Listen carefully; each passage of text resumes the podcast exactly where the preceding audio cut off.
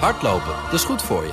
En Nationale Nederlanden helpt je daar graag bij. Bijvoorbeeld met onze digitale NN Running Coach... die antwoord geeft op al je hardloopvragen.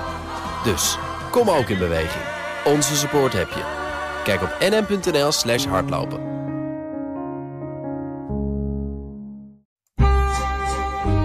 De Perestroikast. Een blik op Oost-Europa.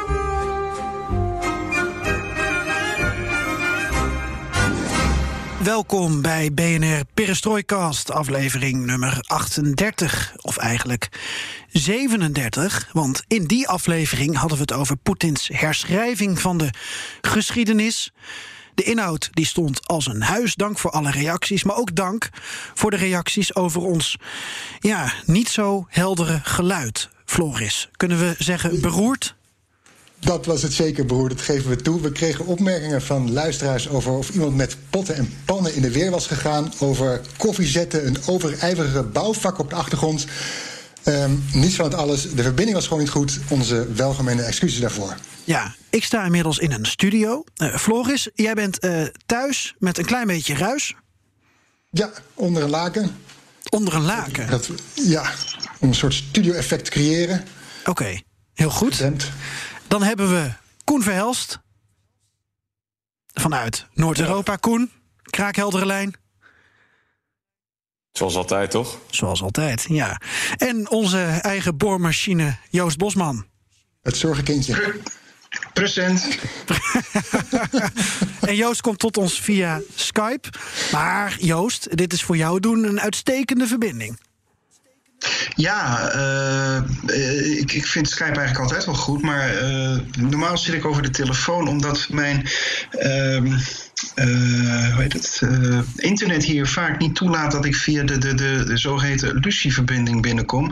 Daar word ik altijd uitgegooid. 9 van de 10 keer. En dan, dat hoor je ook bij BNR dan halverwege het gesprek valt het ineens stil. En uh, dan zit ik, nog in het luchtledige, zit ik nog in het luchtledige te praten, want ik heb dat nog niet in de gaten. En dan word ik ineens gebeld. Ja. Over de telefoon kun je dat nog een keer zeggen, want we hoorden je niet meer. Nou ja, vandaar dat ik maar eventjes over, over Skype kom. Maar dit gaat goed volgens mij dus. Verklaart allicht ook waarom we jouw moppen soms niet zo goed doorkrijgen. Ja, misschien vallen ze halverwege gewoon weg. Dat zou kunnen. Nou, dat is wel een goed excuus. Het niet uit. Om dit recht te zetten, heren, gaan we het deze aflevering opnieuw hebben over de Tweede Wereldoorlog, Rusland en de Baltische Staten als hoofdlijn. Zodat we de luisteraars die zijn afgehaakt door het geboren of getennis van Joost alsnog goed kunnen bedienen. Volgens mij heeft Koen ook een kopje koffie gezet. Want ik weet dat hij een hele fancy machine daarvoor heeft met veel geluid. Aangeschoven dus opnieuw Koen, onze man in de Baltische Staten en Rusland-correspondent Joost Bosman. Die zijn handen wast in onschuld eh, wat betreft het slechte geluid in de vorige aflevering. Welkom Nee. Koen. Vanuit een. eh, nou ja, nee, oké, je hebt gelijk. Koen, een, een grijs Bon, daar zit jij in. En vanuit Bonn bestrijk jij het noorden van Europa. En Joost vanaf tien hoog in Moskou. En Floris natuurlijk. Vanaf vier hoog in Zandvoort. Ehm, we blikken in deze aflevering even dus terug op hoe eh, onze landen, onze regio, het einde van de Tweede Wereldoorlog viert en herdenkt. Met of zonder rekening houdend met corona. En ook hoe ze dat doen. En dat zegt, ook op, eh, dat zegt ook wat over de manier waarop ze kijken naar de Tweede Wereldoorlog. En om binnen het uur te blijven, deze podcast, deze aflevering, slaan we het rondje nieuws even over. In plaats daarvan komen we met opmerkingen, aanvullingen, aanvullingen en leestips van luisteraars. Daar hadden we immers om gevraagd. En gelukkig ook deze aflevering eh, hebben Joost en Koen een mop voor ons in petto. En je weet het inmiddels, alles ten oosten van de rivier de Elbe kan de komende weken, maanden, jaren in deze podcast besproken worden. En wat leuk is, is dat wij heel sociaal en democratisch zijn... en dat je ideeën kunt inbrengen via Twitter, het Perestrooikast... of mail ons op perestrooikast.bnr.nl. En we doen zeker wat met jullie ideeën. Mijn naam is Geert-Jan Haan En ik ben Floris Akkerman. en dit is BNR Perestroikast.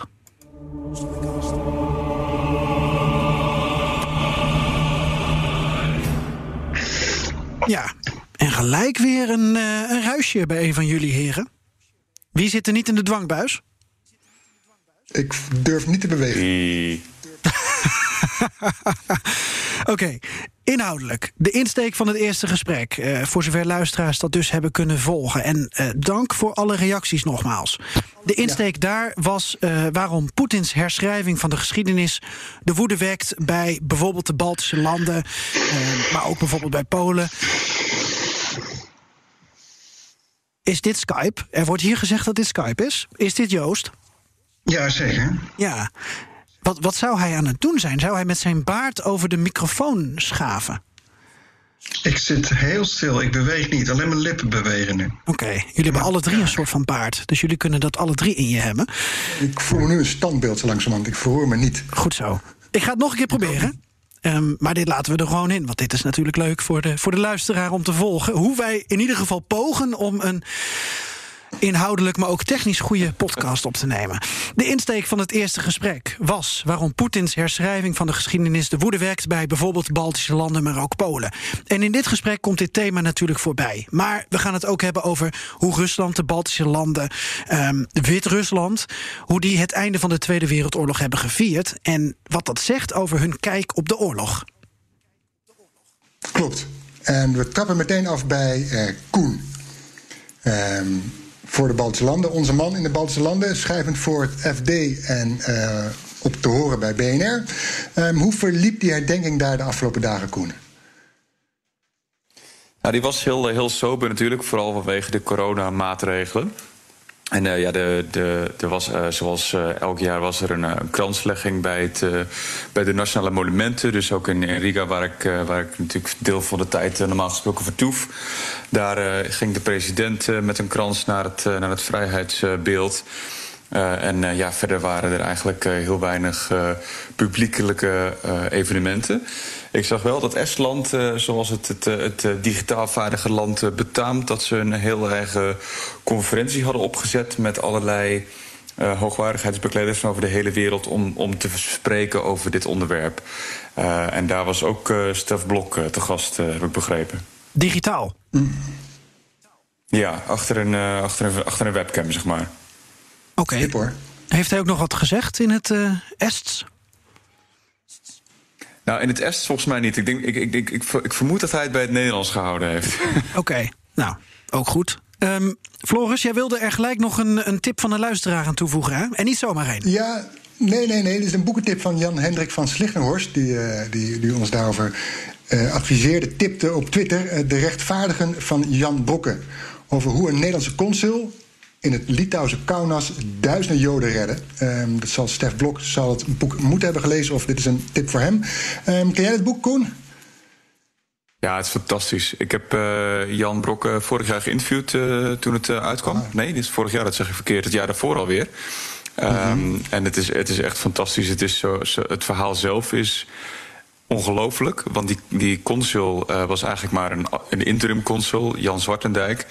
Uh, die zat daar uh, omdat hij bij Philips werkte. En hij had eigenlijk zijn. ja, hij was eigenlijk gewoon vertegenwoordiger van Philips in Litouwen. Kaunas was toen de hoofdstad. En hij, uh, ja, ineens klopte er een aantal Joden bij hem aan, Nederlandse Joden. Uh, omdat zij weg wilden uit, uh, uit Litouwen. Ze waren als de dood voor de, een, een binnenval van, de, van de nazi's, dan wel de, de Sovjets. En ze zochten een oplossing. En dat is eigenlijk waar dat helemaal begonnen is. En ja, consul Zwartendijk heeft toen visa uitgeschreven voor Curaçao en de, wat dan heette de Caribische gebieden van het Koninkrijk Nederland. Uh, en het grappige was, daar had je helemaal geen visum voor nodig.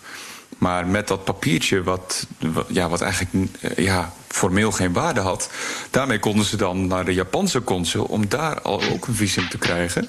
En met die twee documenten in handen konden ze dan Litouwen verlaten en via Moskou de hele Trans-Siberië door en op de boot naar Japan. En dan vervolgens dus uiteindelijk elders in de wereld terecht te komen. Het zij in de VS of in Canada of in Australië of in Shanghai.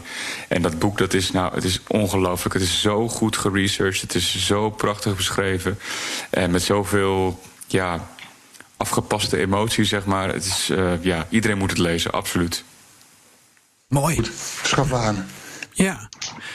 Joost? Ja? Viering en herdenking van de Tweede Wereldoorlog. Nou... Moskou als vertegenwoordiger van, uh, van Rusland en uh, hoofdland van de Sovjet-Unie. Hoe is er naar gekeken? Voornamelijk naar televisie. dat wil zeggen, ja, het Rode Plein, waar normaal gesproken die gigantische parade op te zien is, waar tienduizenden soldaten, militairen over, overheen marcheren op 9 mei. voor het aanzien van, van president Poetin en, en de minister van Defensie en andere generaals. was nu helemaal leeg. Compleet leeg. Een bizar gezicht natuurlijk. Wel is de uh, gebruikelijke uh, luchtparade zeg maar, doorgegaan. De, de uh, vliegtuigen die in, in formatie over het plein vliegen. En dat was dit jaar wel heel erg fraai gedaan. straaljagers die in de formatie van de cijfers 75, het was 75 jaar na dato, over het Rode Plein heen vliegen en, en, en strak in formatie blijven. Dat nummer 75 zie je gewoon over het Rode Plein heen gaan. Ja, dat is verschrikkelijk knap. mooi om te zien. Maar voor de rest heeft Poetin, ja, hij heeft een, een, een krans gelegd in zijn eentje bij het, uh, het vuur voor de onbekende soldaat. Hè, eh, aan de Alexandrovski zat, aan de andere kant van het Kremlin, zeg maar. Uh, en dat was het eigenlijk. Hij heeft een toespraak gehouden aan het volk. en voor de rest ja, hebben de mensen toch gewoon thuis gezeten ook natuurlijk. S'avonds is er wel een heel erg groot vuurwerk geweest. Ik woon een heel eind van het centrum af, maar ik hoorde het bulderen in de verte. dat horen en zien je verging zelfs nog. Wat ik heel mooi vond, en dat heb ik eigenlijk nooit eerder gezien, is dat mensen hier op balkons gingen staan met een telefoon in de hand, lampjes aan en daarmee zwaaiden. Uh, dat je overal die lichtpuntjes zag. En mensen uh, scandeerden overwinning, overwinning, pabieda, pabieda in het, in het Russisch. dat had ik eigenlijk nooit eerder gezien. En dat vond ik toch wel mooi om mee te maken. Ja, bijzonder allemaal. Floris, heb jij gekeken of heb je naar andere tv-zenders geschakeld? Ehm, nou, eerlijk gezegd niet. Ehm, ik heb het wel gelezen erover. En dan hield ik vooral even Wit-Rusland in de gaten. Ik denk, Joost die dekt Rusland wel eventjes. Ehm, want daar in Wit-Rusland ging de parade op overwinningsdag 9 mei. Dus wel gewoon door. Uh, Lukashenko trok zich niks aan van het coronavirus. Uh, niks aan de hand. Geen veldje aan de lucht vindt hij. Dus ja, die parade ging, uh, ging ook door. Was dat dan in het ijshockeystadion, die parade? Nee, dat was gewoon buiten en, en, en iedereen zat, zat lekker naast elkaar, gezellig. Uh, dus ja, daar, daar was niks aan de hand. Uh, voor Lukashenko is het natuurlijk ook wel een beetje een motief geweest om Poetin af te troeven. He, zo stelt Wit-Rusland zich op als het, uh, als het enige Sovjetland, voormalig Sovjetland, dat de slachtoffers van de Tweede Wereldoorlog herdenkt. Dus eventjes een, eh, een, een, een hoe zeg je het, een lange neus naar, naar, naar Vladimir Poetin. Aha. En dan hebben ook nog uh, het andere land, Oekraïne. Daar is het ook flink geleden, de Tweede Wereldoorlog. Dat andere land? Um, ja, dat andere land ten zuiden van Wit-Rusland. Geen, geen verkeerd land, Oekraïne, kom maar graag. Um, daar hebben ze eigenlijk sinds de revolutie in Maidan, in 2015 hebben ze daar begonnen. Uh, eh, 8 mei tegenwoordig als, als de grote dag. Voorheen was het altijd 9 mei, net als in, in Rusland, in de Sovjet-Unie. Maar uh, ja, uh, Oekraïne, Kiev is meer westers gericht. Dus die richten zich nu vooral op, op 8 mei als de dag om slachtoffers uit de Tweede Wereldoorlog te herdenken. En Zelensky legde op 8 mei een krans of bloemen neer in Oost-Oekraïne, vlakbij de Russische grens. En uh, waarschijnlijk zullen ze daar in Oost-Oekraïne juist een aantal mensen ook weer denken van 9 mei. Dat is pas de dag van overwinning. Dus um, ja, voor de rest waren in Oekraïne ook uh, veel festiviteiten, of eigenlijk alle grote festiviteiten vanwege corona, afgelast. Ja. Voor de helderheid, wij hebben dus veel vragen gekregen van luisteraars. Nogmaals, dank. Um, wij houden het bij deze podcastaflevering even uh, op uh, Rusland, uh, de Baltische Staten en zijdelings Wit-Rusland en Oekraïne. We begrijpen dat er ook een heleboel bijvoorbeeld over de geschiedenis van Polen of van de landen op de Balkan is te zeggen in dit kader. Um, Arabië. Ja, maar om ervoor te zorgen dat we niet verzanden in um, de uh, feitenrelazen van 30 uh, inmiddels onafhankelijke landen, um, zijn dit even onze, onze focusgebieden, toch, Floris? Ja, zeker. Anders, uh, ja, dan, dan, zitten we er morgen ook nog te praten. Het is 24 uur lang om één grote podcast over de Tweede Wereldoorlog en onze regio. Nou, waar gaan we nu heen? Um, we gaan nu ja, even terug naar, naar, naar, naar Koen. Uh, want ja, je hebt daar toch uh, de, de, je hebt net gezegd, vier het, uh, het afgelopen zaterdag gevierd. Maar ik kan me ook voorstellen dat er in Estland, Letland, Litouwen, volkeren, delen van de bevolking het op een hele andere manier vieren. Dus wel 9 mei hoog in het vaandel hebben. Ja, absoluut. Uh, nou, er, is, er is aan de overkant van, van het stadscentrum in Riga is er een, um, ja, echt zo'n klassiek Sovjet-monument. Het uh, uh, Pierma Necklace. En daar staat een, uh, ja, een, een, een grote standbeeld van moeder Rusland. Met een aantal soldaten ernaast. En er waren zoals elk jaar een, aantal, ja, een aantal, laten we zeggen, Russisch sprekende inwoners van Letland waren daar, daarheen getogen om daar ja, toch die, die overwinning op Nazi-Duitsland te, te vieren. In de meeste gevallen met Sint-Joris-lintjes. En het, het, het, was toegestaan, het was niet, uh, niet verboden om daarheen te gaan, uh, ondanks de corona. Maar de, ja, er was wel, moest natuurlijk wel in acht genomen worden dat je afstand zou houden. En daarom heeft de politie alsnog wel wat mensen op de, op de bon geslingerd.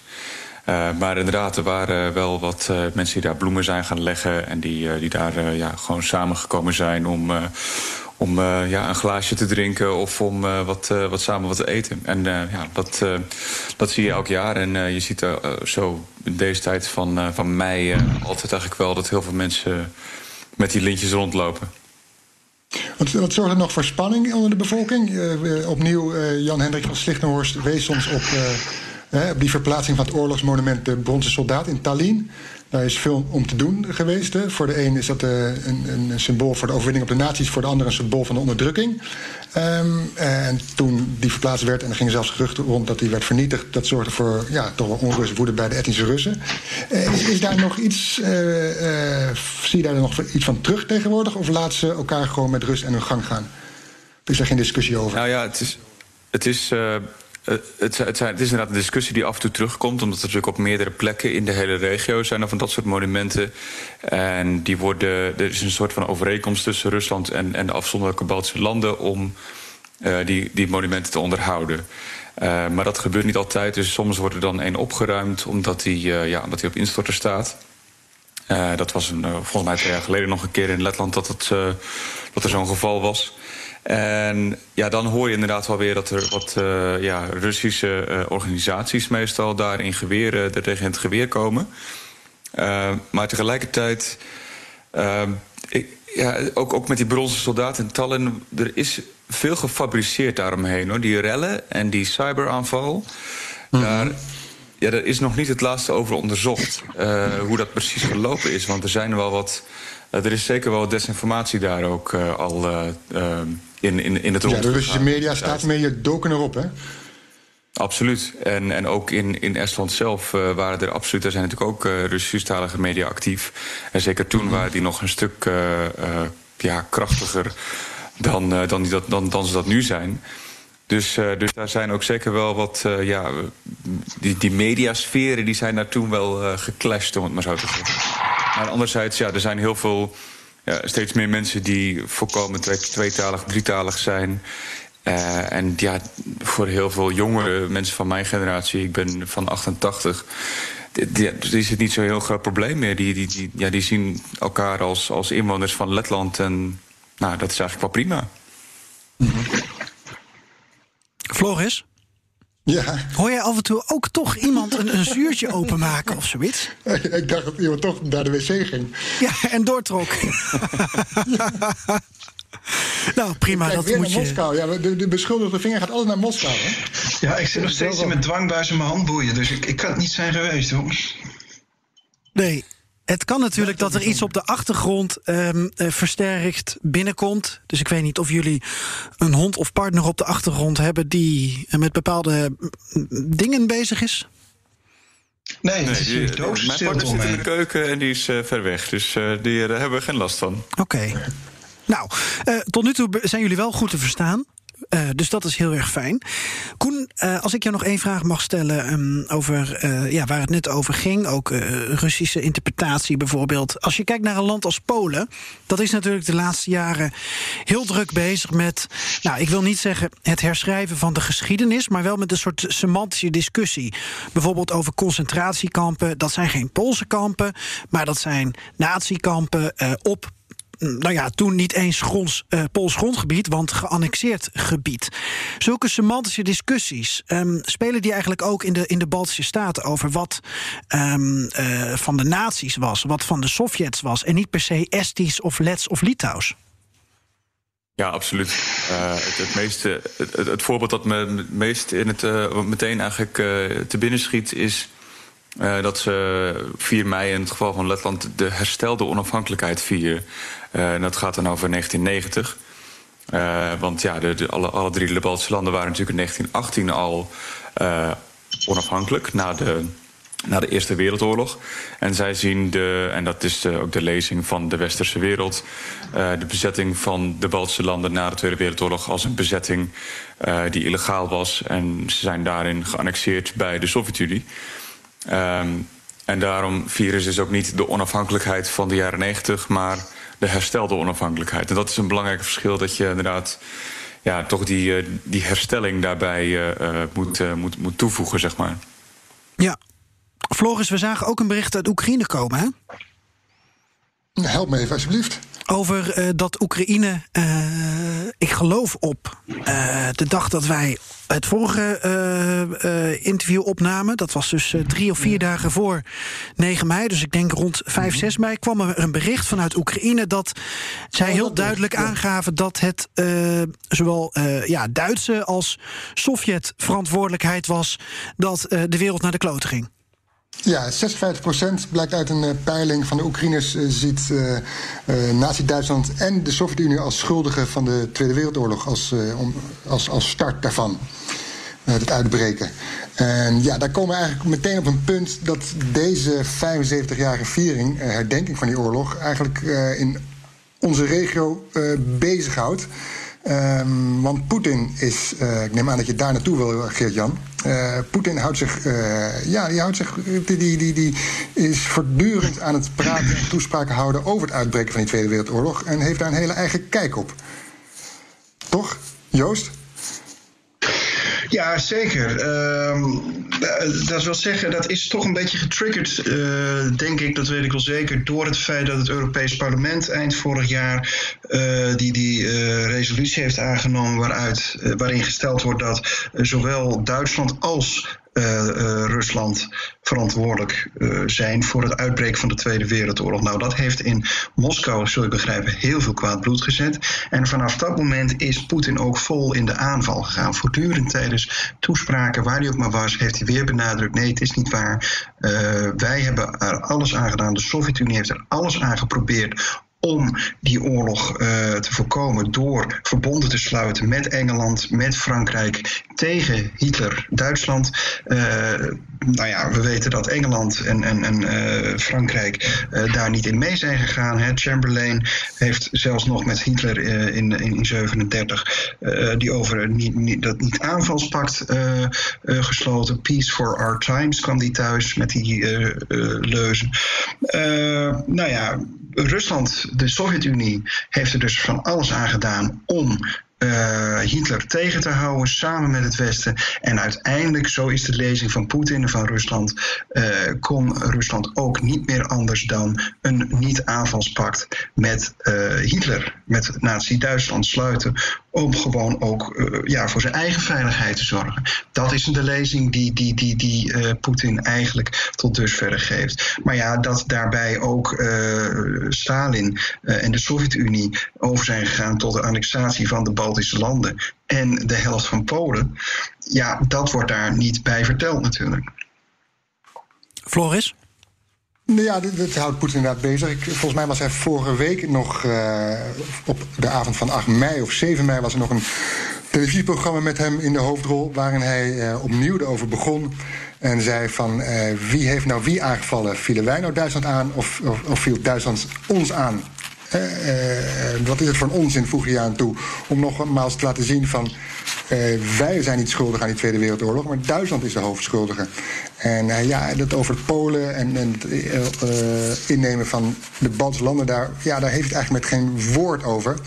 En hij wil die Tweede Wereldoorlog, wil hij gewoon uh, zorgen dat Rusland niet in een verdomhoekje wordt gezet. Dat Rusland aan die goede kant van de geschiedenis staat. En daar heeft hij ja, eigenlijk alles voor over. En elk woord dat probeert tegen die Rusland, dat de Rusland in een kwaad daglicht probeert te stellen. Ja, elke zin, elk woord, elke, elke resolutie van het Europees Parlement, die vecht hij aan. En komt met zijn eigen, met zijn eigen verhaal. Want het Molotov-Ribbentrop-pact, waar we het eerst over hadden, waar we het eigenlijk over hadden, dat, die verdeling, die, dat niet-avondsverdrag tussen Duitsland en, uh, en de Sovjet-Unie. Dat uh, eerder veroordeelde Poetin dat pact altijd. Dus hij heeft ergens een draai gemaakt.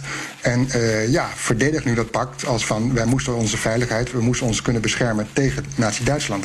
Ja, Cruciaal is hier natuurlijk ook de vraag dan wanneer begon die oorlog? Wanneer, wanneer bepaal je dat begin? Kijk, nou, wanneer begon die oorlog? wanneer bepaal je dat? Wat, nou, net wat Floris zegt. Uh, wij zeggen voortdurend wie, Floris, wie, ja. wie, wie, heeft hier nu wie aangevallen? Ja, dat, natuurlijk heeft uh, Duitsland uiteindelijk uh, Rusland aangevallen in 1941.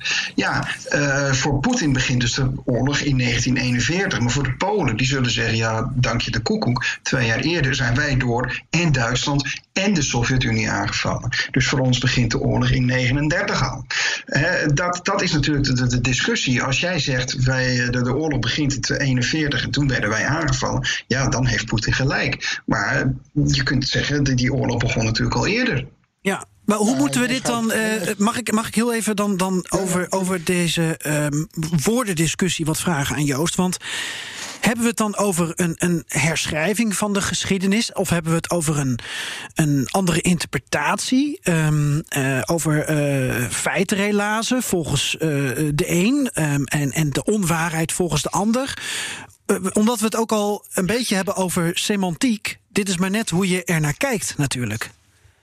Ja, ik, ik vrees dat hier toch ook speelt dat, dat het Westen en, en, en Rusland uh, door cultuurverschillen, door, door achtergronden, door, door geschiedenis die ze allebei uh, op een andere manier hebben gehad, uh, dat ze toch ook op, op, niet alleen op dit punt, maar op heel veel verschillende punten, door een andere bril gewoon naar de wereld kijken. En dat maakt ook wat het heel lastig maakt. Je kunt je elkaar wel met argumenten te lijf gaan, maar dat, dat houdt ook een keer op. En dan is het gewoon van ja, hoe voel je het? Hoe zie je het? Uh, hè? Hoe, hoe, komt het binnen bij je? Hoe interpreteer je het? En daar uh, verschillen gewoon het Westen en Rusland fundamenteel uh, op bepaalde punten. Dat, dat geldt ook voor, voor, voor moderne, hedendaagse gebeurtenissen. Hè? Ik bedoel, zoals wij naar MH17 kijken bijvoorbeeld. Ja, voor de Russen is het zo, ja, hè, die zullen nooit toegegeven dat bijvoorbeeld die boekraket vanuit Rusland kwam. Dat zullen ze niet doen. Maar ze zeggen wel, ja, Oekraïne had het luchtruim gewoon moeten sluiten. Dan was het niet gebeurd. Hè? Ja, zo kun je er ook naar kijken. Is het herschrijving van de geschiedenis als je bepaalde delen weglaat? Uh, ja, voor een deel wel, denk ik. Voor een deel wel. Maar is het herschrijven van de geschiedenis in het geval van Poetin... Eh, ja, dat is voor hem haast ook noodzakelijk. Hij, hij, hij gebruikt die oorlog ook om Rusland en zijn bevolking uh, een eenheid van te creëren. Dus ja, iets goeds van te maken van die oorlog. Dus dan wil je niet dat uh, Rusland als slachtoffer wordt aangewezen of als, als, als, als genius. Dus er zit veel meer achter, denk ik, dan een, een feitenrelaas of een interpretatie. Er, gaat een heel, er zit een heel verhaal achter van hoe we die oorlog inzetten om, om, om, om ons land glans te geven, om ons land bij elkaar te houden. Om ons natuurlijk, natuurlijk. En, en ik denk ook dat uh, Poetin, uh, enerzijds zal hij het ook echt wel geloven wat hij zegt, zal hij daar wel in geloven. Anderzijds heeft hij het ook nodig om zijn eigen populariteit omhoog te houden. Hè. die 9 mei-parade die was hem heel veel waard geweest dat hij door was gegaan. 75 jaar na de oorlog, dat is nogal een kroonjaar natuurlijk. En er is maar één ding wat de Russen toch altijd nog verenigt, of ze nou liberaal zijn of conservatief, of waar ze ook maar in welke hoek ze zitten, dat is die oorlog. Die oorlog, die Tweede Wereldoorlog, de grote vaderlandse oorlog zoals die hier heet, is voor Russen niet minder dan heilig. Uh, dat geldt voor iedereen. Van die oorlog moet je afblijven, daar mag je niks van afdoen. Uh, Poetin weet dat op dit moment door de economische crisis, uh, nu zeker door het coronavirus, wordt het allemaal nog veel slechter, dat zijn populariteit achteruit gaat. Uh, de, laatste peilingen waren dat hij van 68% naar 59% in, in de steun van de bevolking is gegaan. Dat is nogal wat. Dat zijn bijna 10 procent. Dat is bijna historisch. Zo laag heeft hij bijna nog nooit gestaan. Dat wil zeggen dat hij dus iets moet vinden om het volk weer achter zich te krijgen. En er wordt wel eens gezegd dat uh, met name dit regime uh, het, het, het, het volk probeert, de Russen probeert te verenigen in het verleden, omdat het dat in de in het heden en de toekomst niet kan. Het heeft dit volk gewoon niet meer zoveel te bieden in economisch opzicht. Dus moet er iets anders gebeuren. En, en probeert daarom Poetin die oorlog maar weer uh, telkens uh, ja, uh, als iets groots naar voren te brengen. Hè, om, om, om de mensen toch maar weer achter zich te krijgen. Ja. Maar we moeten toch ook niet vergeten dat uh, de Sovjets, en ik zeg heel nadrukkelijk Sovjets uh, in plaats van Russen, um, dat de, Sovjets ons uh, eigenlijk hebben geholpen aan het beëindigen van de Tweede Wereldoorlog. Floris, wij zijn uh, een jaar terug nog op het Ereveld in Amersfoort tegen Leusden aan geweest. wij hebben een, een, een, een onbekende Oezbeek geadopteerd, een graf van iemand die heeft gestreden in en voor onze in ons land en voor onze vrijheid. Hoe, hoe moet ik dat dan dat dan met elkaar rijmen? Want, want eh, ja, het wordt misschien gebruikt of misbruikt, maar Floris, de Sovjet-Unie, de Sovjet-soldaten, onze onbekende Oezbeek, de Russen, de Georgiërs, iedereen heeft ons toch ook bevrijd? Jazeker. Um, als je, was een paar jaar geleden in Volgograd en dan uh, zie je nog hoe die stad daar heeft geleden onder de Tweede Wereldoorlog, onder de aanvallen van uh, Nazi-Duitsland.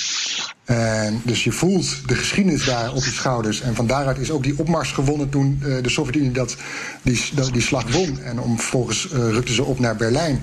Um, maar dat is natuurlijk een deel van het verhaal uh, rond die Tweede Wereldoorlog. Dat is een deel van de geschiedenis. Want ja, dat oprukken naar Berlijn, daar had het mee moeten blijven. En dan had Rusland, de Sovjet-Unie, daarna weer terug moeten trekken. Maar ze bleven daar. en ook in de Baltische landen. Dus dat speelt allemaal mee in het hele verhaal van het begin van de Tweede Wereldoorlog, het eindigen daarvan. En je kan dus niet alleen maar kijken naar uh, wat Rusland zeker goed heeft gedaan, de Sovjet-Unie, uh, bevrijd, uh, de oorlog gewonnen namens ons, met ons. Overigens had de Sovjet-Unie ook wel degelijk steun van de Amerikanen. Hè? Bijvoorbeeld dat, dat leaseplan, waarin ze allemaal motorvoertuigen en, en extra's middelen kregen. Dat was wel ook wel belangrijk om, dat, om daar mee te kunnen vechten. Um, maar goed, het is een totaal verhaal en dat wordt door Poetin niet verteld. Alleen de goede kanten. Ja. En daar zullen de Baltische landen, uh, ja, die zullen daar met een, ook met gevoel, gemengde voelens naar kijken, naar die herschrijving van de geschiedenis. Toch, Koen? Ja, absoluut. Want ja, dat is natuurlijk een. Uh, voor hen is het ook uh, zeker positief dat Nazi-Duitsland natuurlijk verslagen is. Daar, daar, daar, daar, zullen ze het over eens zijn. maar tegelijkertijd, ja, dat je van het ene totalitaire regime naar het andere totalitaire regime gaat, is natuurlijk, uh, ja, dat is gewoon vreselijk. De, de, de Sovjets die zijn meteen nadat zij uh, dus de Baltische landen weer geannexeerd hebben, zijn, zijn ze meteen begonnen met, met deportaties uh, richting Siberië. En dat stipte de, de, drie presidenten van, van de republieken ook nog aan vorige week, vlak voor de, de 9 mei-viering. Van ja, de, de helft van Europa is, is gewoon niet vrij geweest. En je kan wel inderdaad, ja, je moet natuurlijk inderdaad zeggen van ja. De Sovjet-Unie was onderdeel van die geallieerden. En uh, er zijn heel veel offers gebracht, zeker persoonlijke offers. Maar je kan, niet, uh, je kan dat niet zien zonder dat, de, het, gevolg wat daarna kwam.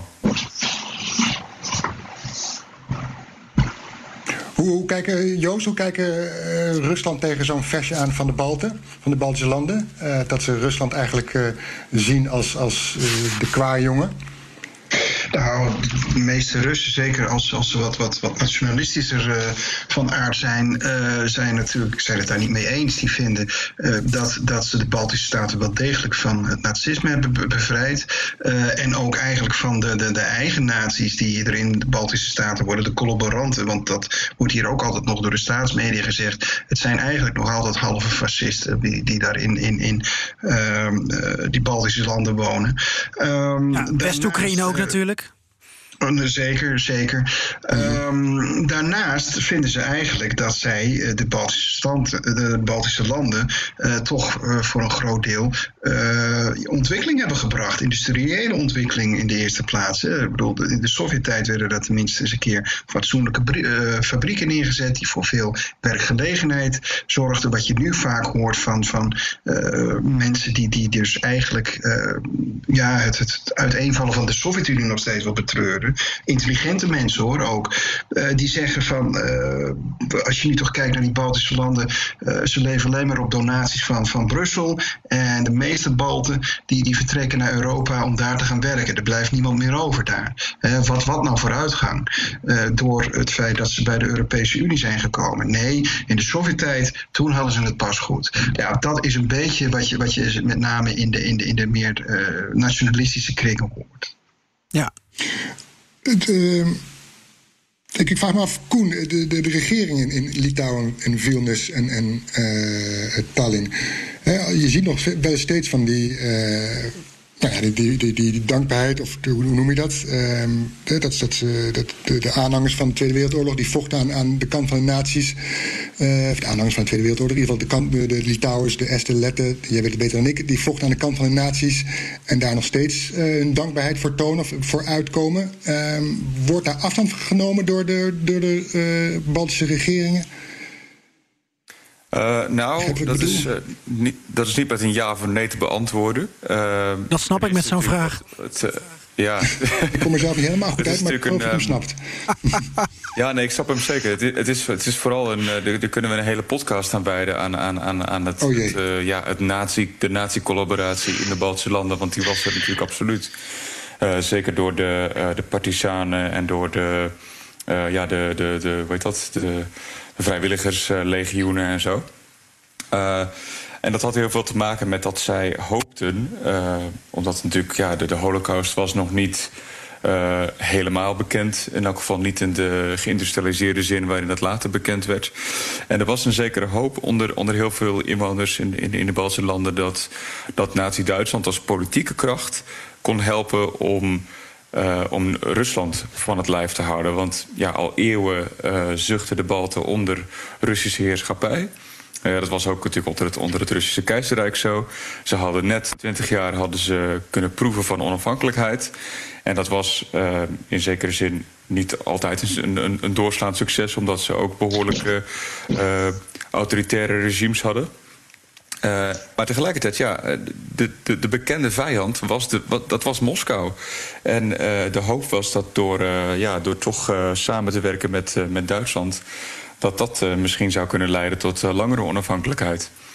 Um, en er zijn nu inderdaad op meerdere momenten in het jaar... zijn er herdenkingspunten dat de ja, bepaalde nationalistische inwoners van, van de Baltische landen, vooral in Letland en Litouwen, dat zij herdenken dat hun uh, voorvaderen hebben gevochten tegen Rusland. Uh, tegen, tegen het Rode Leger, beter gezegd. Ja. Um, en dat, dat komt nog steeds aan bod. En het, het is inderdaad wel zo dat de. Er zijn een aantal partijen, ook de, een van de, de, de, de nationale Apionierba, de Nationale Alliantie, die, mee, die ook in de coalitie zit in Letland, die uh, loopt dan mee in uh, fakkeloptochten. Uh, maar die zijn daar dan, zoals het dan. Ja, daar wordt dan een beetje moeilijk over gedaan, maar zo heet het dan als een, als een persoonlijke aanwezigheid. En het is geen aanwezigheid namens het kabinet. Ah, net, net zoals jij op persoonlijke titel twittert en niet vanuit jouw. Uh, jouw beroep. Ja, dat is, dat is een beetje het idee erachter. en de, de, de, de, de, de, de, premier die zegt dan ook altijd van ja, weet je, wij, wij sturen er niemand heen. Als er politici zijn, dan zijn ze daar op persoonlijke titel.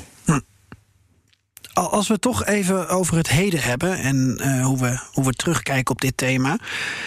Eh, als je nog een keer naar Polen kijkt, eh, waar bijvoorbeeld ook eh, door de huidige regering de musea ehm, die over de oorlog gaan, dusdanig anders worden ingericht en een dusdanig andere signatuur krijgen, waardoor ze gericht zijn ook op het huidige patriotisme en nationalisme. Om jonge mannen en vrouwen klaar te maken voor een eventuele strijd in Polen tegen bijvoorbeeld die vuile Russen. Um, of misschien ook nog wel tegen de vuile Duitsers. Hoe zie jij dat dan, uh, Koen, bij jou? Um, zie je daar dus ook een vorm van herschrijving die zich op het culturele vlak uit? Nee, dat niet. Uh, ik denk dat het, het, allergrootste verschil met Polen is, uh, is dat de, de, nationalisten zitten wel overal in de regering. En er is ook een, een over het algemeen een, is de politiek ook wat nationalistischer ingesteld. Maar tegelijkertijd zijn er ook liberale krachten. die in Polen zijn die wat zwakker. En, en natuurlijk, ja, de, de, Poolse regeringspartij is zo machtig op dit moment. heeft zo'n grote meerderheid dat die veel meer het ja, dat culturele beleid en ook het rondom de rechters en zo naar hun hand kunnen zetten. En dat, ja, het zijn allemaal coalities in de Baltische landen, dus die moeten toch schipperen met, met wat ze kunnen, kunnen uitrichten en met welke. Ja, met hoe ver ze kunnen gaan met hun nationalistische uh, gedachtegoed. Ja. dus, dus, dus dat soort uh, herschrijving zie ik niet. Anderzijds, dat, dat had ik vorige week ook genoemd...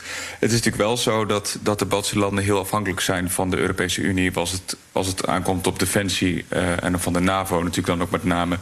Uh, en dat ze daarom wel ook dat geluid moeten blijven ja, laten horen dat, dat, dat ze vlak naast Rusland liggen en dat ze zeggen van ja, je kunt ze dus niet vertrouwen. Uh, maar ja, tegelijkertijd wordt dat ook alweer door de feiten gestaafd. Uh, zou je kunnen zeggen, de afgelopen decennia. En uh, zeker de, ja, met dit soort uh, herdenkingen waar dan Poetin zelfs op een gegeven moment beweert dat, dat Polen een van de grootste aanstichters was van de Tweede Wereldoorlog. Ja, dat, daar kun je toch eigenlijk. Dat, dat kun je toch niet anders zien dan herschrijving van de geschiedenis. Joost, uh, dezelfde vraag ook even voor jou. Uh, lesmateriaal op scholen, musea, andere vormen van, van culturele uitingen. Want we weten wat de boodschap is van, van Poetin. Um, maar zie je, zie je die herschrijving of die andere interpretatie, die andere waarheid, dus ook terug op het culturele vlak? Ja, natuurlijk. Uh, je, de, de, oh, dat, dat is al wel, wel, wel 10, 15 jaar gaande hè, onder Poetin dat, dat schoolboeken herschreven Jeltsin deed dat niet? Nee, nee, dat is echt onder Poetin begonnen. Wat je ziet is bijvoorbeeld dat, dat ook in, in, in uh, geschiedenisboekjes ja, uh, de, de misdaden van, van onder Jozef Stalin eigenlijk uh, niet meer vermeld worden. En dat Stalin voornamelijk wordt afgebeeld als een heel efficiënt manager. Hè, die, die Rusland uiteindelijk toch de overwinning in de Tweede Wereldoorlog heeft gegeven. Een manager. En, een manager, ja, als een, effectief bestuurder die, die, die uh, de goede aanpak heeft gekozen om, om, om, om Nazi-Duitsland te kunnen verslaan. Daar, daar gaat het eigenlijk voornamelijk over. Uh, in musea zie je dat ook terug. Daar, daar worden, wordt geen, geen aandacht meer besteed aan de, aan de uh, de, de, de, misdrijven van, van, van het, sta, het, het Stalin-regime. Uh, ik geloof dat uh, Floris nog wel eens in dat museum in Perm is geweest. Hè? Ik meen dat het daar is. Ja, ja. Nou ja, dat, ik geloof dat het inmiddels gesloten is. Hè? Dat was nog een van de ja. weinige musea die daar echt aandacht aan besteden.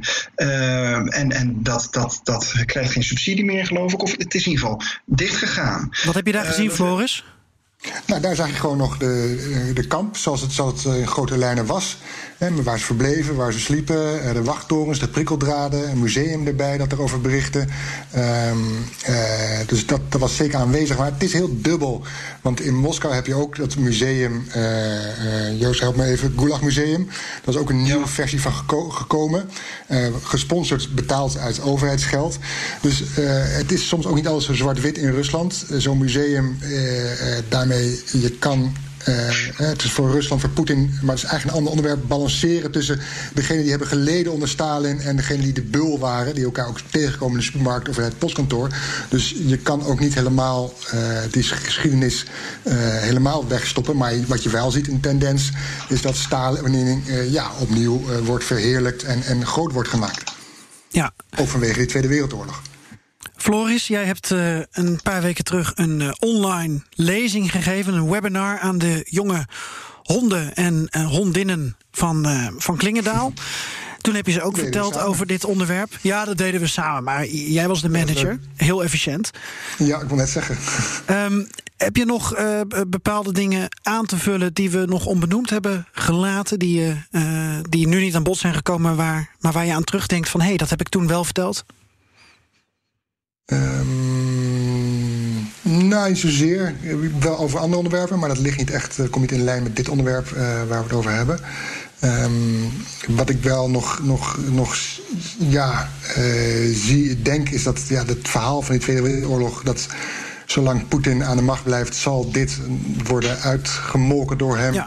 En gebruikt worden door hem om, uh, nou, wat Joost al eerder zei, uh, het land te verenigen en Rusland aan de goede kant van de uh, geschiedenis te plaatsen. Dus we zijn er nog lang niet vanaf. Ik wil wel overigens zeggen, Poetin heeft over Rusland, maar natuurlijk de hele Sovjet-Unie inderdaad, wat jij ook al zei, Oezbeken, Georgiërs, die vochten natuurlijk ook mee. Ja. Nou, we gaan het binnenkort nog een keer hebben over de Georgiërs op Texel. Wat we ook rond deze mhm. tijd. daar moeten we een keer naartoe met de pont. Moeten herdenken. Uh, en dat is heel interessant, want die hebben helemaal dubbele petten opgehad, natuurlijk. Um, met, met, met zowel Duitsers als Russen, uh, Sovjets gehuld. Maar in feite heel uh, Georgisch patriotistisch ingesteld. Ja, dat is een verhaal op zich. Maar goed, ja, op deze manier ehm, kunnen we meer op een hoop vegen. Dat hebben we misschien ook ten onrechte met jou gedaan, Koen. Door al die Baltische landen weer bij elkaar te stoppen en als een geheel te zien. Want uh, de letten waren misschien een stukje erger dan de esten. Ja, nou ja, het is natuurlijk inderdaad altijd. Eh, er zijn altijd andere verhalen per, per land te, te vertellen. Uh, en zeker in het geval van, van Letland en Litouwen bijvoorbeeld. Ja, daar, wat je net vertelde over de Georgiërs, dat heeft daar ook plaatsgevonden. Dat terwijl de, de naties aan het terugtrekken waren, dat, dat zij daar uh, nog Letten en Litouwers in hun gelederen hadden. En die liet vechten tegen de, de, het aanstormende Rode Leger. Terwijl het Rode Leger al recruteerde onder de mensen die in het oosten van het land woonden. En dat op die manier dus, blijkt later uit historisch onderzoek... dat er op die manier uh, dus ja, broers en vrienden en familieleden tegenover elkaar hebben gestaan. Tja, ja. Ja, het is altijd, het is altijd grijs, hè? het is nooit zwart-wit. Nee. Nee, dat is absoluut zo. En uh, nou ja, dat is ook wat, wat, wat dit soort herschrijving wel zichtbaar maakt, volgens mij. Dat je, dat je nooit eigenlijk op één, op één lezing af kan gaan. Je moet altijd meer informatie zoeken. Nou, dat vind ik een heel mooi bruggetje naar uh, nog wat boekentips, Floris. Ja, zeker. Onze ja, trouwe luisteraar Jos Kusters heeft ons uh, twee boeken aangeraden. Uh, ik heb ze alle twee niet gelezen. Jij wel, Geert-Jan? Ik, ik, ik, weet welke boeken jij gaat aanraden. Ik heb uh, zijn eerste tip, Bloedlanden, heb ik gelezen, ja. Aha. Um, en dat ik niet. Waar gaat het over? Dat is van Timothy Schneider over de Sovjetbezetting van de Baltische landen en Polen. Um, de, de, de, ja, het, het eeuwige lijden van, van Oekraïne. Um, eigenlijk uh, komen daar um, ja, heel veel verschrikkelijke verhalen in terug die, uh, die plaatsvonden uh, ten tijde van de Tweede Wereldoorlog. Maar het is eigenlijk een, ja, een soort schets van hoe landen als Polen en Oekraïne eigenlijk um, altijd op hun grondgebied te maken hebben met alle verschrikkingen die onze planeet heeft meegemaakt. Um, ja, volgens mij zegt men over Oekraïne altijd het land dat maar nooit wil lukken. Um, -hmm. Nou ja, Polen heeft natuurlijk ook uh, heel lang ondergronds gezeten en gevochten en gestreden voor eigen taal en cultuur. En dat is wat Timothy Schneider um, aan de hand van allerlei gruwelijkheden rondom uh, de weer, Tweede Wereldoorlog um, ja, heeft geïllustreerd. Ik weet niet of de andere mensen het boek hebben gelezen of ik het goed uitleg. Ja, ik heb het ook gelezen. Ja, het is heel, heel bijzonder hoe hij op eigenlijk het land spreekt om, om te kijken naar de daders. Van waarom doen, doen daders wat ze gedaan hebben. Uh, en dat je niet alleen maar. Um, niet alleen maar kijkt van hoe erg dingen zijn, maar ook van waar komen deze dingen eigenlijk vandaan. En dat, dat vond ik een heel sterk punt uh, in, dat, in dat boek. En sowieso het, ja, om, om, om het de, de alle gruwelijkheden op een rij te krijgen, is, is het heel goed om te lezen. Maar wel met af en toe even wegleggen. Ja. Floris, tip 2? Ja, tip 2, de kring van Mesmer van Jaan Kroos.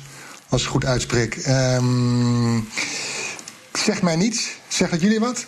Dan Jaan Kroos zeg maar wel wat, ja. het boek niet. Nee, het boek niet, nee. Hoe heet het boek? De kring van Mesmer, De kring van Mesmer. Ja. Als ik kijk, uh, spiek even bij een, een grote verkoopketen uh, internet.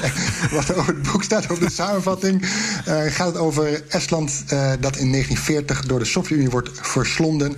En de hoofdpersoon, als ik het zo snel lees, belandt in de gevangenis. En dan komen de Duitse troepen komen ook om de hoek kijken. Nou, nou.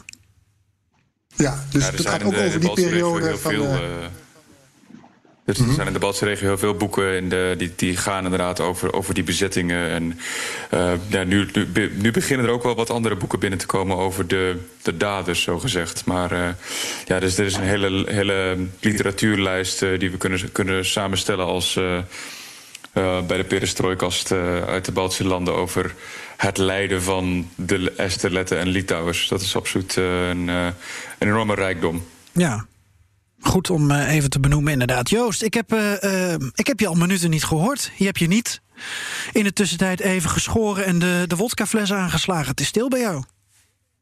Ja, ik zit nog steeds in mijn dwangbuis, jongens. Hou zo. hey, um, ik denk dat we uh, maar even moeten lachen. Um, want, uh, nou ja, zoals ik al eerder zei, we houden het even bij dit deel van de regio. Ook al kregen we nog een hele goede vraag van uh, uh, Nike Wendholt over ja, Kroatië en de Tweede Wereldoorlog. En bijvoorbeeld het bloedbad bij uh. Maar ja, dat, dat gaan we een andere keer doen. Want dan gaan we net weer een andere kant op. En uh, als je eenmaal begint over de Balkan en over um, uh, Oostenrijk, Slovenië, Kroatië.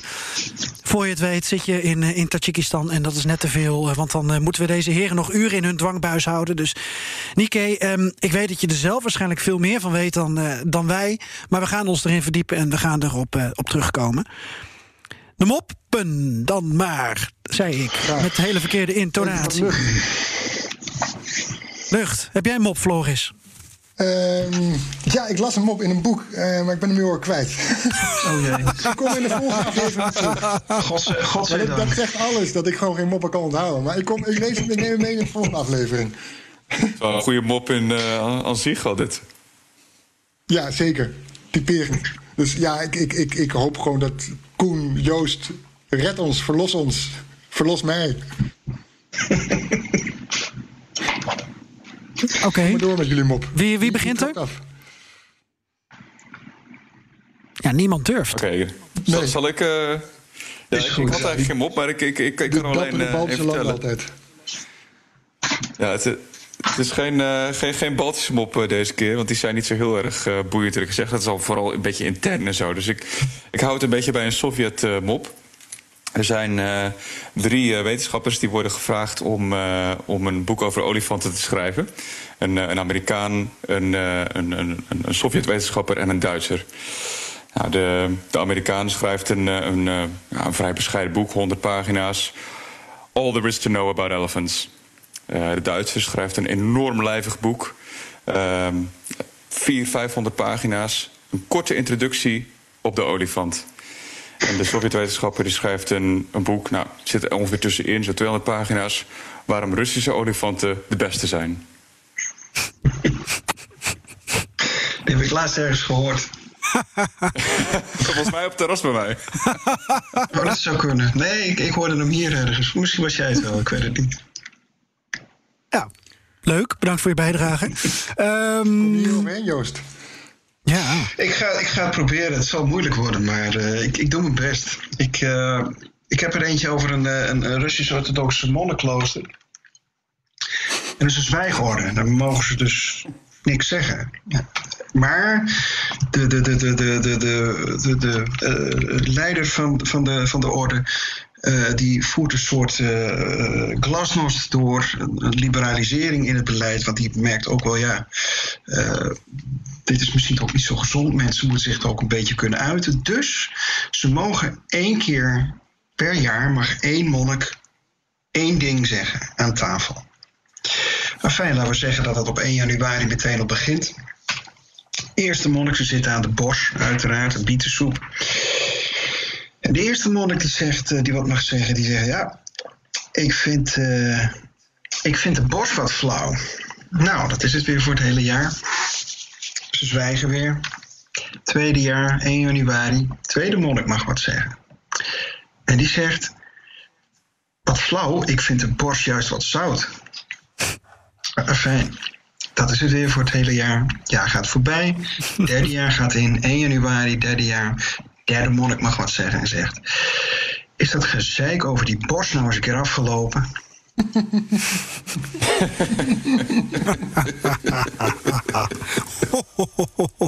Ze snappen hem. Ja. Hoera. Ik vond hem mooi. Mag ik jullie allemaal hartelijk danken voor uh, een beetje gelach en heel veel uh, serieuze maar interessante kost. En dank ook aan de luisteraars. Joost bedankt, Koen bedankt, Floris. Jan bedankt. Paka. Ayato. Paka. Paka. Doet hij het toch in het Russisch? Ik wil het zeggen. Vuile collaborateur. Wat wat heeft dit te betekenen? Ja, je moet soms toch een beetje... Out of the box denken, ja, ik snap hem. Ja. Business Booster. Hey ondernemer, KPN heeft nu Business Boosters. Deals die jouw bedrijf echt vooruit helpen. Zoals nu, zakelijk tv en internet, inclusief narrowcasting... de eerste 9 maanden voor maar 30 euro per maand. Beleef het EK samen met je klanten in de hoogste kwaliteit. Kijk op kpn.com slash businessbooster. Business Booster.